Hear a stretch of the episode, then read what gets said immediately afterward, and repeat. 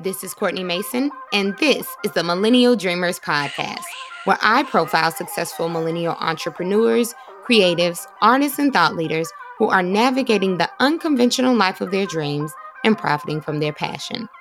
I also share inspiration and career tips to help you take the leap of faith and go after your dreams. A great majority of people want to uncover their purpose, but what most don't realize is that it can be born from adversity. Today's guest has a success story that proves it. Dr. Lana Joseph Ford is one of the top audiologists in New Orleans with a passion for helping children and adults who suffer from hearing loss and speech impairment. It was her own struggles as a child, though, that led her to this path. Now, she's the hearing doctor for some of our favorite entertainers like Drake and Tank and the Bangas. In this episode, Dr. J shares all about her journey and proves that oftentimes the real advice is just to roll up your sleeves and work hard. So, without further ado, let's get into it. Millennial Dreamers, today on the podcast, we have Dr. Lena Joseph Ford, affectionately known as Dr. J, in the guest chair. Dr. J is an audiologist and CEO of High Level Speech and Hearing Center, which services patients in the greater New Orleans area and beyond with not only one, but two locations one in Harahan and New Orleans, Louisiana. Her business is also in 70 schools across Louisiana. I cannot wait to jump into the conversation. So, Dr. J, welcome to the podcast. Thank you so much for having me. I am so appreciative of you taking time out of your busy schedule because I know you have so many things to do. But as we were talking about before we started recording, a friend of mine told me about you a while ago. And she was like, You've got to have her on the podcast. She's so inspiring, so inspirational. And uh-huh. I knew that I wanted to have you on. But uh, for our listeners who may be unfamiliar with you and the work that you do, give them a glimpse into your background. Sure, absolutely. So I am an audiologist by training. An audiologist is a hearing specialist um, and uh, when I was younger, I suffered with speech and hearing issues, and um, unfortunately suffered a lot of bullying, a lot of teasing, low self-esteem, things like that that are often associated with having any type of disability. Um, and unfortunately, it was about I want to say about eight years of suffering with that problem. And finally, in about seventh grade, I received speech services for only three months.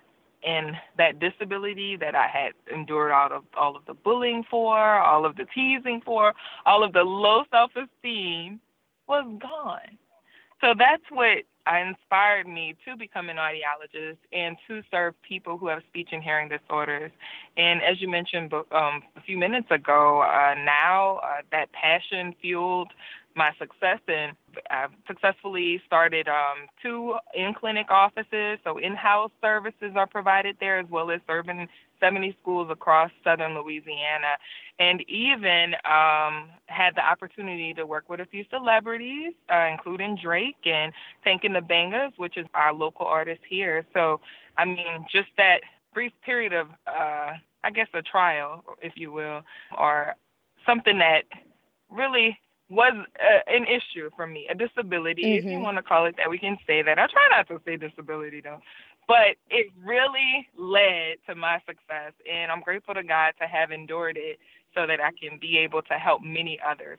So far, my company has helped 26,000 people to wow. get access to speech and hearing services. So I would say that is definitely a millennial dream. yes, it, that is a, a complete success. Wow, I cannot believe that. And I'm glad you mentioned, because I do want to get into some of your celebrity patients that you mentioned, but even taking a step back, when you say you were teased and bullied for, you know, and dealt with issues for eight years, and it only took three months before the issue was corrected like you you had to suffer for years in something as simple yes. as getting this treatment in months time helped you mm-hmm. correct the problem and flourish i think that's amazing and then it also speaks to to parents as well not maybe knowing what um, what's necessary in terms of hearing loss and things like that. So, what are some things that parents should take a look at in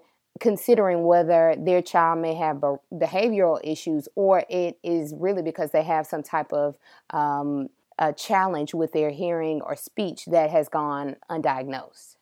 And we see that every day. We see, like, I, I was honestly uh, about a couple hours ago on the phone with a parent who had informed me that her child was exhibiting signs of frustration and was crying a lot and they didn't realize that the child was simply trying to communicate but was having difficulty doing so. Um, so, so parents could look for signs such as that. Uh, for hearing issues, does your child simply respond to their name when they're being called? Um, does your child seem to lean a certain way other than the other? Is, do they complain about ear pain? Is there any ear drainage? For speech issues, um, you know, we look for kids to begin talking at the age of two years old. Is your child talking at two? Um, speech and hearing are so directly correlated that if the child does have a speech language delay, it could very well be because they have a history of ear infections. Mm. So, um, oh, yeah, absolutely. We see that all the time. Um, this particular patient I was talking to earlier has an older sister, and mom and dad, um, they they weren't allowing him to, him to communicate because the older sister was communicating for him. And we see that often mm-hmm. with siblings that the older sister, the older sibling, sister, brother, um, will communicate for those siblings so they don't have to ask for the apple that's on the counter, you know, or they'll they'll start reaching for it, and mom and dad will just give it to them. Yeah. And of course, we have the iPad and different tablets that kids use, video games. It's really limiting the amount of communication that we're having, the verbal communication. Got it. That makes sense. And I, I have tons of friends who have children now, and a few have experienced those challenges where, you know, um, I call them my nieces and nephews. Um, some have children who are, like you said, maybe two or, or, you know, almost three and aren't speaking on the level that they expect them to. And so, this I think is really helpful to know that maybe it's time to have their ears checked because it could be that they just can't hear and they and that's you know, preventing the communication. And you you're supposed to get that your hearing checked once a year, but people don't do it. And in the school system also, there the the requirement for most states, I know the state of Louisiana for sure, is every odd year. So um, you have the early intervention services, you have pre-K four, and then every odd grade. But that's not necessarily being done well, here in New Orleans it is because we're doing it. Right. but but um before before there was a high level speech and hearing center to go out to the schools and take up this um uh be able to provide these services to these kids they weren't necessarily being done, or maybe it was just a difficult thing. Maybe it took a year for the nurse to be able to provide the hearing services, as opposed to for us, it's only like one day or two days, depending on the number of kids at the school. That's some interesting t- statistics um, and something that we should mm-hmm. all all note. Um, but one thing, wanting to go back to uh, your background, um, mm-hmm. Once you finished your schooling and before you decided that you wanted to open up your own facility, what did your um, practice look like? Like how did how did you begin your journey after uh, finishing school, deciding okay now um, I'm going to start my practice? Um, I want to know what that looked like between the time you finishing school and then going into entrepreneurship, what was that um, training ground like for you? Sure. So I'm a young doctor, and I say that because I graduated in 2015. Most people don't know that. Oh wow! Um, so uh, absolutely. So I started off when I graduated. I graduated May 15th, 2015, and when I graduated, I had a business plan in my hand. I knew from day one that I wanted to become a doctor that worked with hearing impaired people, and I also knew I wanted to have my own practice. But of course, you get told that no, you should work for someone for some time, right? Um, mm-hmm. That's the safe thing to do. And most of the time, the people that tell you that are people that are not in private practice. Right.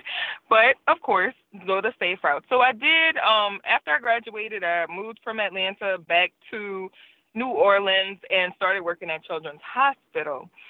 And what I noticed was that at Children's Hospital, that I wasn't able to necessarily spend as much time with my patients as I wanted to.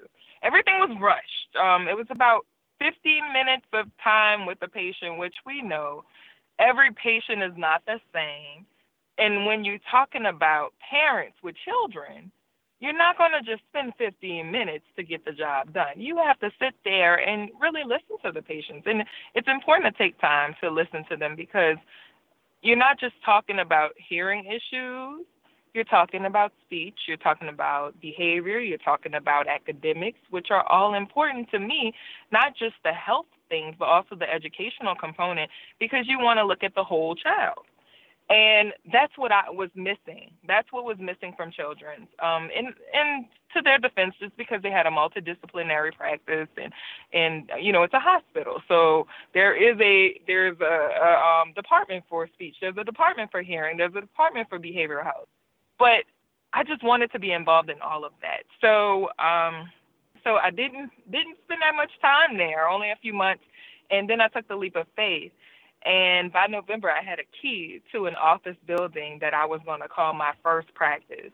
That office building opened on January the 18th, 2016. And I mean, the rest is history since.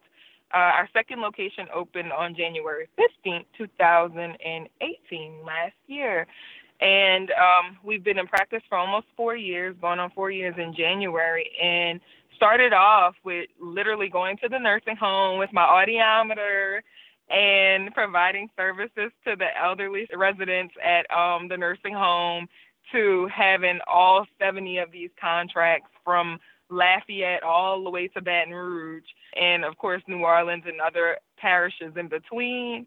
So it it was one of those things where I really did take that leap of faith despite what people were telling me. And people were saying all kinds of things. They were saying I needed to spend a hundred thousand dollars on marketing. I needed to spend a hundred thousand dollars on the building. It was just insane. But no, and yeah. that's a yeah. testament to trusting yourself because people, if they don't know something, yeah. and I'm sure a lot of the people trying to give you advice, like you said, they then then don't have their own practice, so they're just telling no. you what they think.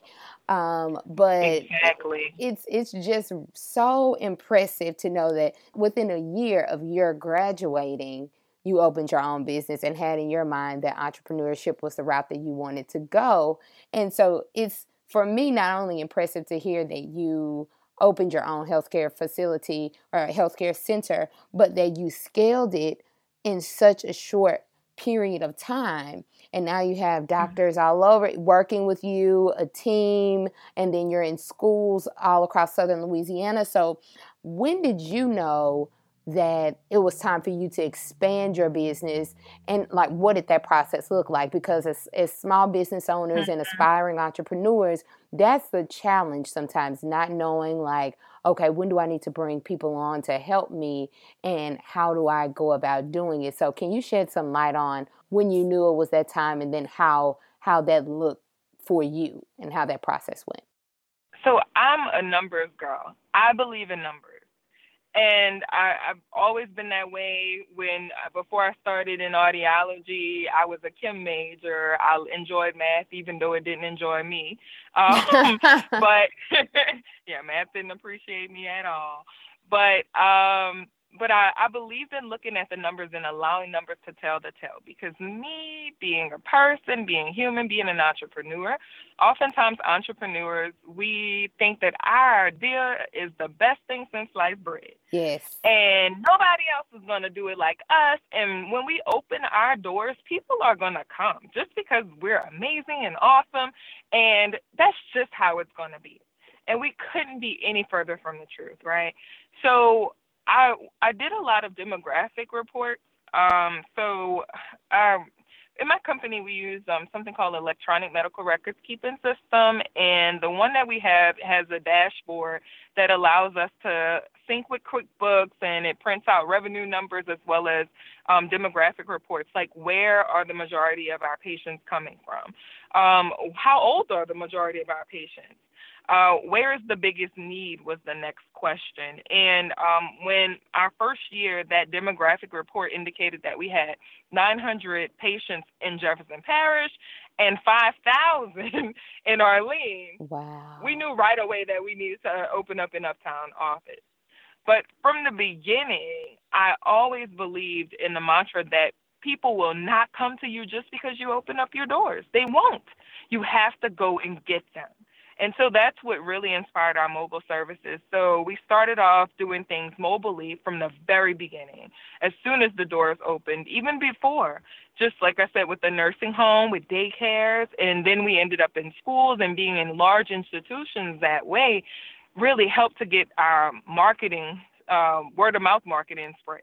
So we were able to grow that way, but um, the numbers are what really help to tell the tale. And I, I recommend that all entrepreneurs consider their numbers. Don't just believe that, you know, people are going to come just because you're awesome. Yes, you're awesome. You are. I promise you, you are.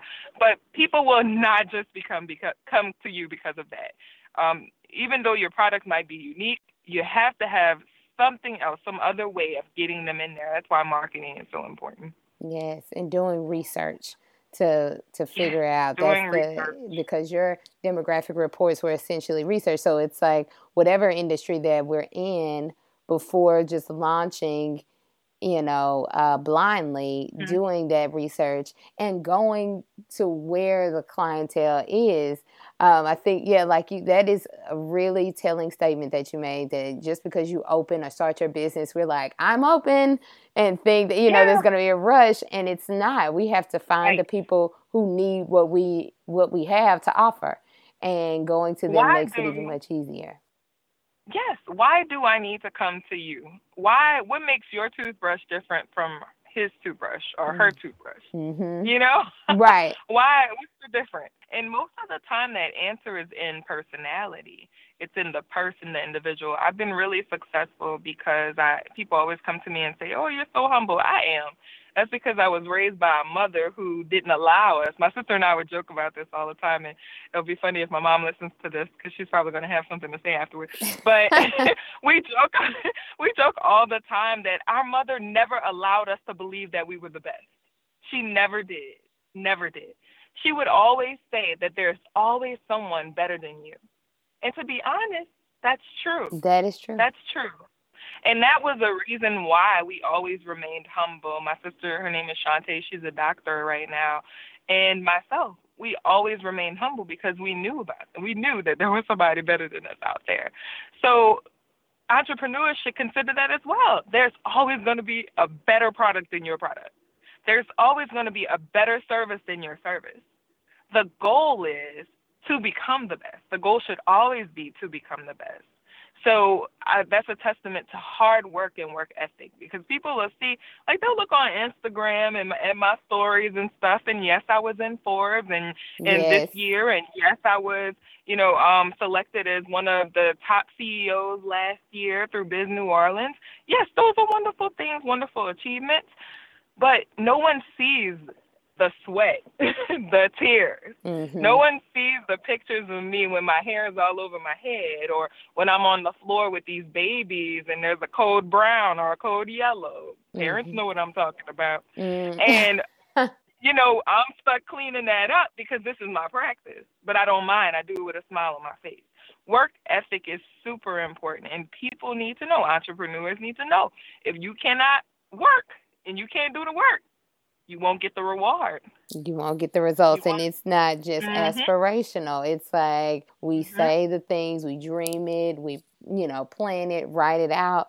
But mm-hmm. at some point, it has to be the rolling your sleeves up and getting, just getting mm-hmm. down to business and not being complacent and thinking because if we keep in our mind, like you said, to that there's always someone on our tail or someone that because there's so many people in the world we might have an idea to do something and someone within a you know our city or another state might have, have the exact same idea to some degree and they're they're mm-hmm. actually moving their feet on it they will be the ones who actually get it done and out if you just kind of sit and aspire and and dream without actually putting the work in. So um, actually getting that work done. And one thing that we know about small business owners and entrepreneurs is that everyone who who I've ever listened to and I listen to a lot of interviews and and podcasts and myself I'm a fan of podcasting. And and so I'm always listening to people who have done great things and have achieved a level of success. And they always say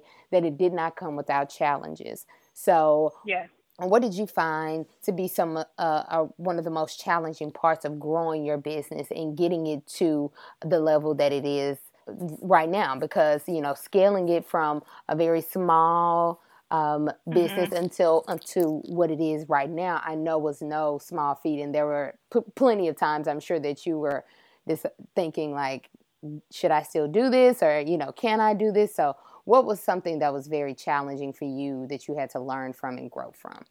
I would say the most challenging thing that I've had to deal with has been human resources. Um, so when it was just myself and maybe two or three other providers in my practice, it was much easier, much simpler. Um, we spent a lot of time together, so controlling the culture wasn't difficult. Mm-hmm. But when I got to 30, and I woke up one morning and was like, what in the world was I thinking? Uh-uh, some of these people need to go. I should have 30 employees. Um, but we felt it. We really felt it. And we felt it in the form of cultural shift, um, work, work culture shift. Um, the folks that we had, we noticed that they weren't growth oriented. And I ended up closing my business for 31 days in the month of July, and I'm I'm talking about like just a few months ago. This occurred, not you know years ago. This, this year, just a few months ago. This year, this year, and I closed the business for 31 days to patients. My patients were pretty upset. Some of the parents were happy because it was summer vacation, and that meant they got a break from bringing the kids back and forth. Um, but it was for my company, it was for my employees, so that we can really learn what learn and define what type of culture high level speech and hearing center should represent and should stand for. And um, it was a very difficult time because we lost a lot of people during that time.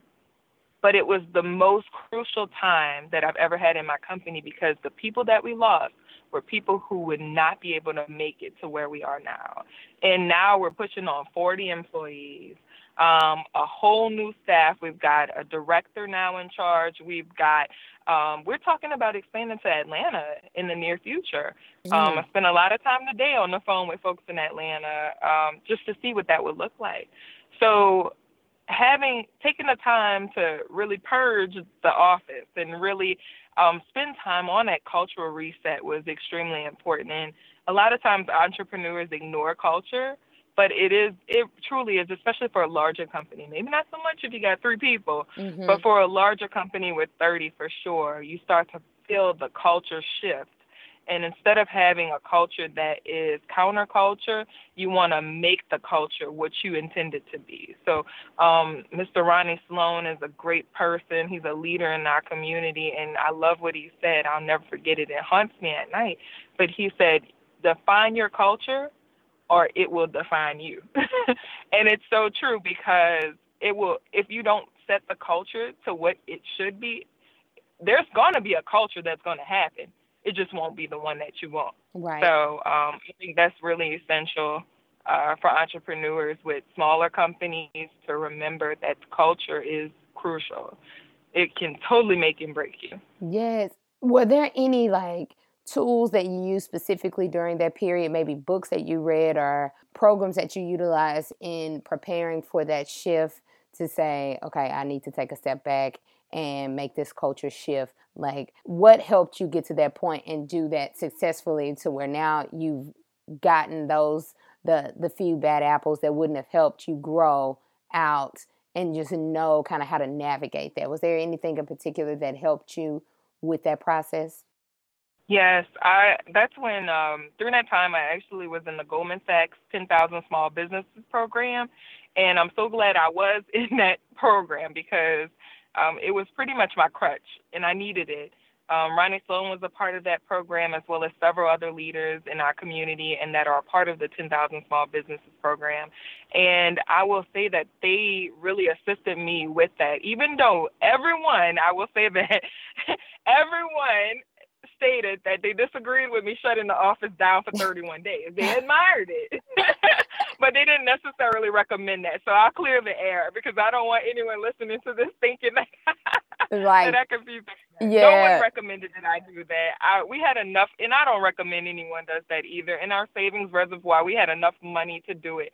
And it was really looking back at it, it was something that I did for me it was for me more than the employees because like i said a lot of the employees they they're not with us anymore. A lot of those employees who were sitting at the table because um, i did i did powerpoint presentations with them on culture. We defined what culture was. I did um, a lot of team building activities. They were they had to eat lunch together. They had to communicate.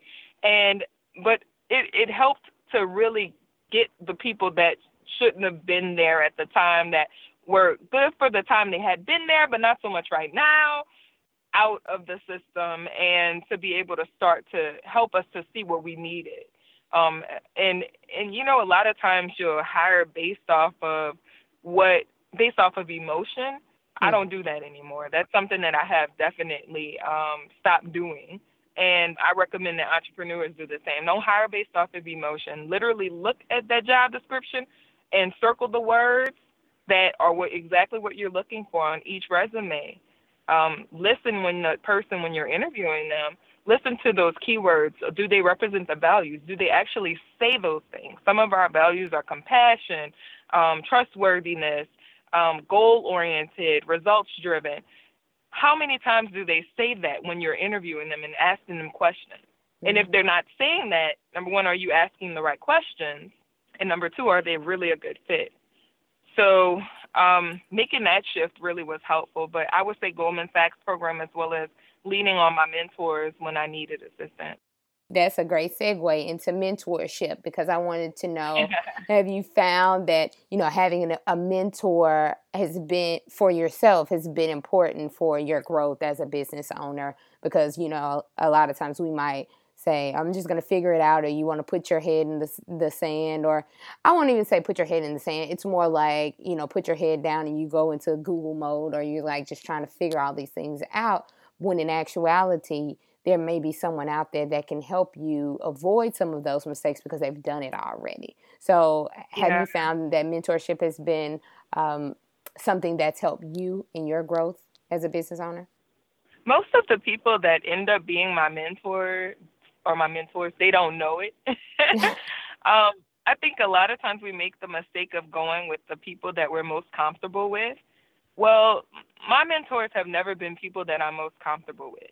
And I didn't realize for some of them that they were my mentor until I stepped back and realized, hey, you know, this is a hard thing that you're enduring, but you got to get through it. And this person is someone who you can learn from. And I say that for example, one of the people who I don't even know if she knows I mention her this much, but one of the people who I take I take as being a mentor of mine is Dr. Joy Pritchett. She runs Atlanta Hearing Associates, um, which is a four practice office, and she was where I did my residency from 2014 to 15.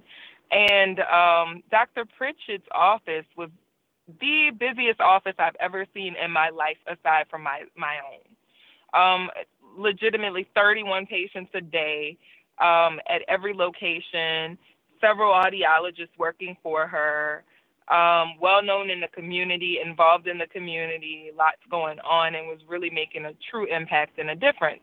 Well, I was the resident, so I got the shorthand. What I thought, what I thought was the shorthand of the or the short end of the stick. And um, for initially I kind of got caught up in what my colleagues were saying because there were other fourth years that were there and they would complain about it being too much work. Oh, it's too much work. And then I would talk to my friends, oh, girl, you really doing all of that? You know, that's a lot, you know? Mm-hmm. And I really had to do the adult thing um, the more mature thing of stepping back and thinking, you know, Lena, where do you want to see yourself? Yes. Is this reflective of where you want to see yourself? And how do you take full advantage of this opportunity so that you're making sure you're getting everything out of it? Because I was in Atlanta, I wasn't in New Orleans, and I didn't really know anyone in Atlanta. My friends at the time were in St. Louis. Um, so so it was really hard to be out there. And then my dog died, which everybody that's a pet owner knows that's probably one of the saddest things that you can yes. endure ever. That's a family um, member. yeah. Absolutely, that's absolutely like a family member, like a child, right? Because that dog was with me the whole time, and um, you know, I had to, I had to really get myself back together as far as like emotionally and and really tune out all of the extra conversation that was going on with the people were telling me and focus on my true goals. And I do give credit to my husband because he helped me out a lot with being able to focus again instead of looking at all of the negative things that were happening while I was in Atlanta. So um tuning out the noise and focusing on her and what and really observing what she was doing. And I remember um uh one day she she she knew it was overwhelming for me. I didn't express it because you know I I, I don't do bad with a lot of work. I have good, good work ethic. My husband says probably one of the greatest work ethics he knows. But um, she she stopped me and she said, "I know it's a lot. I know you don't understand, but one day you'll understand."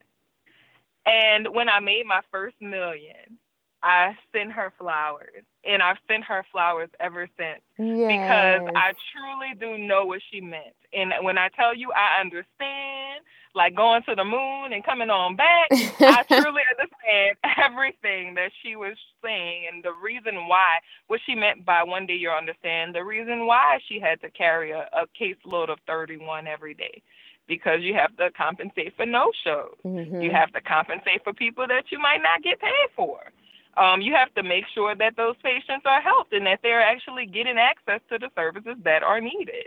Um, also, the relationship she was building with the ENTs. You have to build good relations. So, so it was so much that I learned, and um, I ended up traveling. I was the only person that she had working at every single location. So Milledgeville, Lake Oconee, Decatur, and Dunwoody. I worked in all of those offices. Even her audiologist did. And at the end of my fourth year, she offered me a job and I declined it. I politely declined it, and my words to her were that I have to go back home to my people because they need me. And I told her I was interested in opening a private practice. I gave her the details and even offered her an investment opportunity. I bet she wished she had taken that investment opportunity. right. She's like, you know what? Those flowers, I appreciate it, but I wish that I would have taken that investment in it because now it's like, wow. That is so yeah, interesting. Um, the, my practice, we definitely are a strong seven figure company, um, working on eight figures. And um, being able to expand will definitely get us there. Participating in Goldman Sachs will get us there. Participating in the Propeller Social Entrepreneur Incubator has gotten us where we are today. So, um, so yeah, so definitely mentorships. I've had mentors through those programs. I've had Dr. Pritchett, um, my current mentor, I don't know if he knows he's my mentor or not, but I definitely look up to him and follow him is Dr. Eric George. He's an author, entrepreneur. He's a hand surgeon, and I think he's amazing. Um, and I hope to be him one day. There's so many ahas and things and everything that you said. And firstly, it's just don't despise those humble beginnings because you going yeah. around and being one of the only physicians or the only one that was going to every location that she had and now yeah. you are in not only have multiple locations of your own but you're in so many schools and have to travel not just in new orleans but in various yeah. cities so that's just like you needed that training to put you in the mindset of what it would look like in the future and having that foresight. Because I, at the outset I remember you saying you gra- you graduated with a business plan in hand knowing that that's what you yeah. wanted to do. So that's just a word for anyone else that's kind of doing the grunt work but you everything that we do is preparing us for the thing that we say that we want yeah. ultimately. That's absolutely true. Yeah. Absolutely true. And you have to be able to find that in everything. You have to find the good in everything. I was speaking with someone recently. Um, I think it was an intern of ours because I I do reach back. I my my way of paying it forward is by taking in CFY SLPs, by taking in interns from other colleges and from Delgado, from Nunez, from University of Lafayette, from Southeastern University, um, from Xavier University, so from University of New Orleans, which is one of my alma maters.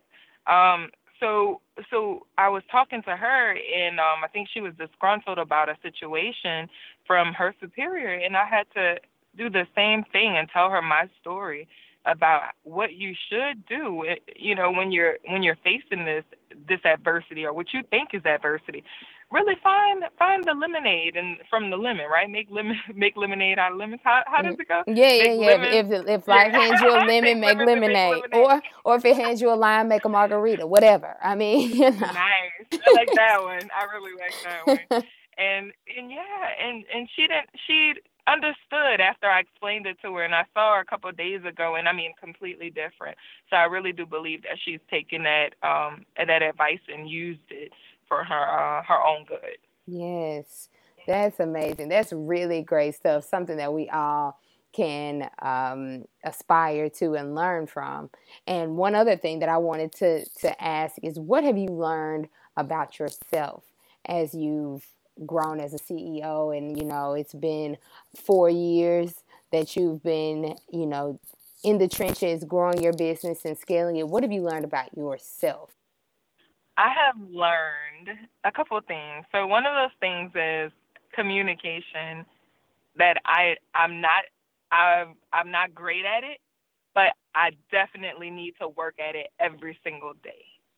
And um it's you can't over communicate. So I've learned that. I've learned instead of keeping things to myself to just say them. Um, mm-hmm. and what I mean by that is sometimes I'll have uh, whether I'm in a meeting and I'm the only person of color in that meeting, or if I'm meeting with an employee. I've learned that I have to say, I have to tell the truth and not to be emotional about it. Take all emotion away from it, but communicate more effectively by stating the facts, always writing things down when you're communicating. Keep a notebook so you're always jotting ideas down and never allowing them to just be ideas on a page. Mm-hmm. Um, and sending emails, sending text messages, doing group meet, doing Google, Gmail, however, dashboards, Basecamp, however. But com- I've learned that I need to constantly work on improving my communication. And the more I communicate, the better I'm becoming, the better I see my business becoming as well. Communication that's something I know I need to to work on more because I will ask, answer, and you know analyze something within my head, and the person has right. no idea. Like, oh, this this might be something that you can assist her with. I'm like, no, I can do it. And it's all in my brain. It's like, or you can just say it, and it will be helpful. So, got it. Absolutely. and we we do that sometimes. We'll we'll assume that um, someone else is thinking something else and they're not even thinking anything close to what we think they're thinking, right? Um, so, like for me, a few times it's been that, oh, he doesn't like my idea. Oh, they're not going to give me an opportunity. When indeed they're actually thinking to themselves, yes, I do want to give her an opportunity, or yes, I do agree with what she's saying. Um, so it, it's truly important to be able to vocalize, and and a lot of times as people of color, we're afraid to voice our opinions. We're afraid to be open and say things. Like I sit in board meetings. I'm on the parish's uh, uh, scholarship committee, and I was afraid being the new person in the room and the only person of color in the room that I could not say um, I could not give suggestions in that room. And we have to be able to be confident in ourselves and our suggestions and just give them and I'm glad I did because now they're ca- they've been calling on me for all kinds of things. Mm-hmm. you know, and they really have faith in in my abilities to serve within that committee. So yes, mm-hmm. speak up. They're gonna soon say, "Okay, we need yeah. you to lead this. Um, you have all the great ideas." That's what it's gonna turn into. oh yeah. just you just wait. In a matter of time, that's what's gonna happen. So but also, you mentioned before that you've worked with artists and musicians as well to assist them mm-hmm. um, with, you know, their audio and in-ear systems that you know they need to mm-hmm. perform, mm-hmm. including one of my favorites, Drake, and in addition to a, a few other a few other ones. So I wanted to know specifically about Drake, like how that opportunity? I know a lot of people have asked you about that, but I want to know, like, yeah, everybody wants to know. how did that come everybody about? Everybody wants to know about Drake. Yes. yeah, it's like it's okay about the 20, other twenty six thousand people. You know, yes, right, like, about Drake. Drake, you know, the fan yeah. favorite. No, but it, it, it helps with spreading awareness. Um, I'll tell you, before I had that experience, not as many people really knew uh, what speech and hearing services were, and they didn't know what types of services that we could provide, including providing impressions, uh, doing ear cleanings, and being able to fit people with ear molds, and doing the sound engineer component, which is uh, doing in the ear devices and things like that. And since I've done that, I've gotten so many calls from other local musicians and artists in the area, in New Orleans area, and hopefully expand into Atlanta real soon. Well, um, so that was one of the one of the opportunities that I was not I was not expecting. It was very unexpected, but I was ready for it when it came. And so I received a call from, um, you know, talk about not burning bridges and making sure that you're doing what's in the best interest of others. Um, uh, Bossy Medical, shout out to Bossy Medical, who was also in the Propeller program with me, which is another, like I said, an entrepreneurial program um, that I participated in. He he actually knew the owner actually knew the gentleman who um, cut Drake's sound engineer's hair. Wow. and so um, they were coming into the city and they must have somehow um, connected with the sound engineer because that's their that's their friend, and he must have somehow. Um, this is the part that I was asking for, right? He must have somehow mentioned that the the team needed to get in the air monitors, and they were looking for someone to do it. Well, my name was dropped, and so Nat called me and he said, he said, hey, Lana, look, um, the the guys are here. Um, the sound engineer he needs some assistance. Drake's doing a show t- today. Um, do you think you'd be able to do it? And me, I'm look. When I have a patient, a patient is a patient. It's right. okay. It doesn't matter who you are. I treat every single one of my patients like a movie star. And um, I wasn't I wasn't going to, even though I will say Drake is one of my favorite artists as well, like I mentioned before. But so even though that part, that starstruck part of it, still was kind of within me, at the end of the day, I made a decision that I was going to do whatever he needed, whatever services he needed, I was going to take care of him. Because at that point, he became a patient of mine, and I was in control. And so, um, but initially, when when they told me that, I said, okay, I'll, you know, whatever I can do, I'll do it well, I got a call from a guy who had a Canadian accent, and so um, so I said, oh, he he asked me about the services, and I said I answered him. I said, oh yeah, I can provide that. Whatever you need, just let me know what specifically you would need, or give me the information to JH Audio so that I can reach out to them and provide them with exactly um, what they would need, and we can get all the specifications done. I had no problem doing it, and I'll be honest with you. Up until we got to the arena, and went backstage, I thought it was like not going to happen. I thought it was a hoax.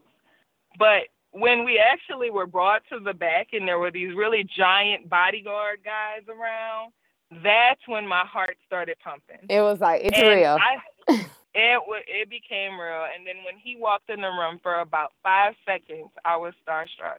But like I said, immediately after, um, I mean, one, two, three, four, five, six I was Dr. Joseph, and he was one of my patients. And at that point, I made it a point to make sure that whatever he needed, he was going to get that day. And I do that for everyone. So it's a blessing to be able to work for someone who you admire. And, um, you know, at the end of working with them on that task, you know, yes, I'm responsible for the in the ear monitors that he wears on stage, whether he's in Italy or whether he's here in the United States or somewhere else um, I'm I'm proud of that. I'm proud of that. I'm proud that they were they felt confident in my abilities and so confident that they said that if there was anything else they needed, they would make sure to reach out to me about it. And you know it, that's the part of it that I'm really proud of. Number one is spread awareness because people are asking about it now. They want to know. So you know I appreciate him for allowing me to share that story. And number two, just being able to feel confident in your abilities, my abilities, to be able to provide the service, knowing that everything, everything that I had done in the past, all of the hard work, um, the things that we discussed today that I discussed on Millennial Dreamers podcast, all of those things led up to this opportunity. Mm-hmm. And if mm-hmm. I had not done one of those things, if I had not had that work ethic, if I had not practiced, if I had not taken time out to do go go above extra and beyond, um, then I mean it it might not have resulted in that opportunity. And I mean I rocked it.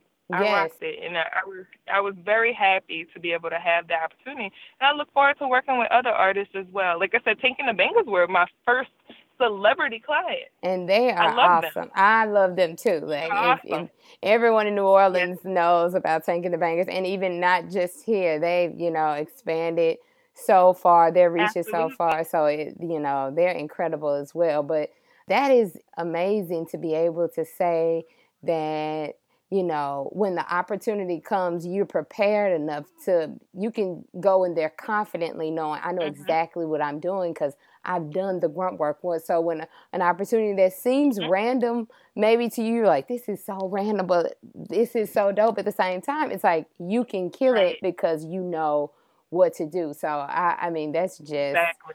that's important. I, I love that. But I know we could talk all day. I had so I have so many questions, but I'm just gonna like end it on this. I always have a final question that I like to ask guests, and that is, regardless of the industry. What is one piece of advice that you could give someone who's an aspiring millennial dreamer or aspiring entrepreneur, small business owner um, who wants to uh, just excel and flourish? What's something that you can tell them that they should do on their journey to just achieve their dreams? So I I like to say whenever I'm in a room full of other entrepreneurs and aspiring entrepreneurs that I truly believe education plus entrepreneurship equals financial freedom. Um, I told you guys I graduated in 2015. Last year, I paid off all $300,000 worth of my student loans. I have zero student loan debt. And I really do amount that to being just going ahead and not just talking about it, but doing the actual, like you said, grunt work. So if you are an aspiring entrepreneur, don't allow the difficult times, the adversity, the fact that you're the only person of color in the room, the fact that you're the only person of color that's trying to do this. Maybe you were like me, you grew up in the hood, and everybody wasn't becoming doctors in the hood. You know, maybe you were raised by a single parent like me. Maybe you were bullied and teased like me. Maybe you didn't have as many close friends like me. That's okay, because at the end of the day, your education and that work ethic to fuel that entrepreneurship will make you a happy person. And I'm so happy for the support that I have. Like I give all honor to God first of all, but mm-hmm. also to my family, my husband, um, and those people who I don't even know who every day have come into my office and have pro- gotten services from me or my team. So I just really believe that no matter what, that they should do it because all things are possible, and that's the truth. I'm inspired. Like that alone just makes me like, all right, because if Dr. J can pay off three hundred thousand in student loans, you can get. Listen, we're gonna knock those things out, Courtney. So I am just like I absolutely love this interview. Where can our listeners find you on all things social to to follow your journey and everything that you're doing and continuing to do? Sure. Please follow me on Instagram at Dr. J the Hearing Doc. Also, you can follow my practice at High Level Hearing NOLA. Also on Facebook, Lana Joseph Ford, Dr. Joseph, um, Dr. Lana Joseph Ford, and High Level Speech and Hearing Center, which is located uptown New Orleans as well as in Harahan. And we're on the website. If you just Google us, you'll find us. Thank you so much again, Dr. Thank J. You. And Thank you for having me. You are so welcome. And I might have to come in and just do like a video so everyone can see the operation, what yes. it looks like. I, I, I think we might have to set that yes. up so so we can have you on Millennial Marketplace. That. that would be awesome. But Millennial Dreamers, I hope you enjoy, and we are signing out. Peace. Thanks for listening to this week's episode. But before you leave, hit the subscribe button and leave a comment. We want to know what you think about the episodes that you've heard so far. Let us know by subscribing and leaving a comment. And again, thank you for tuning in. We'll talk soon. Peace.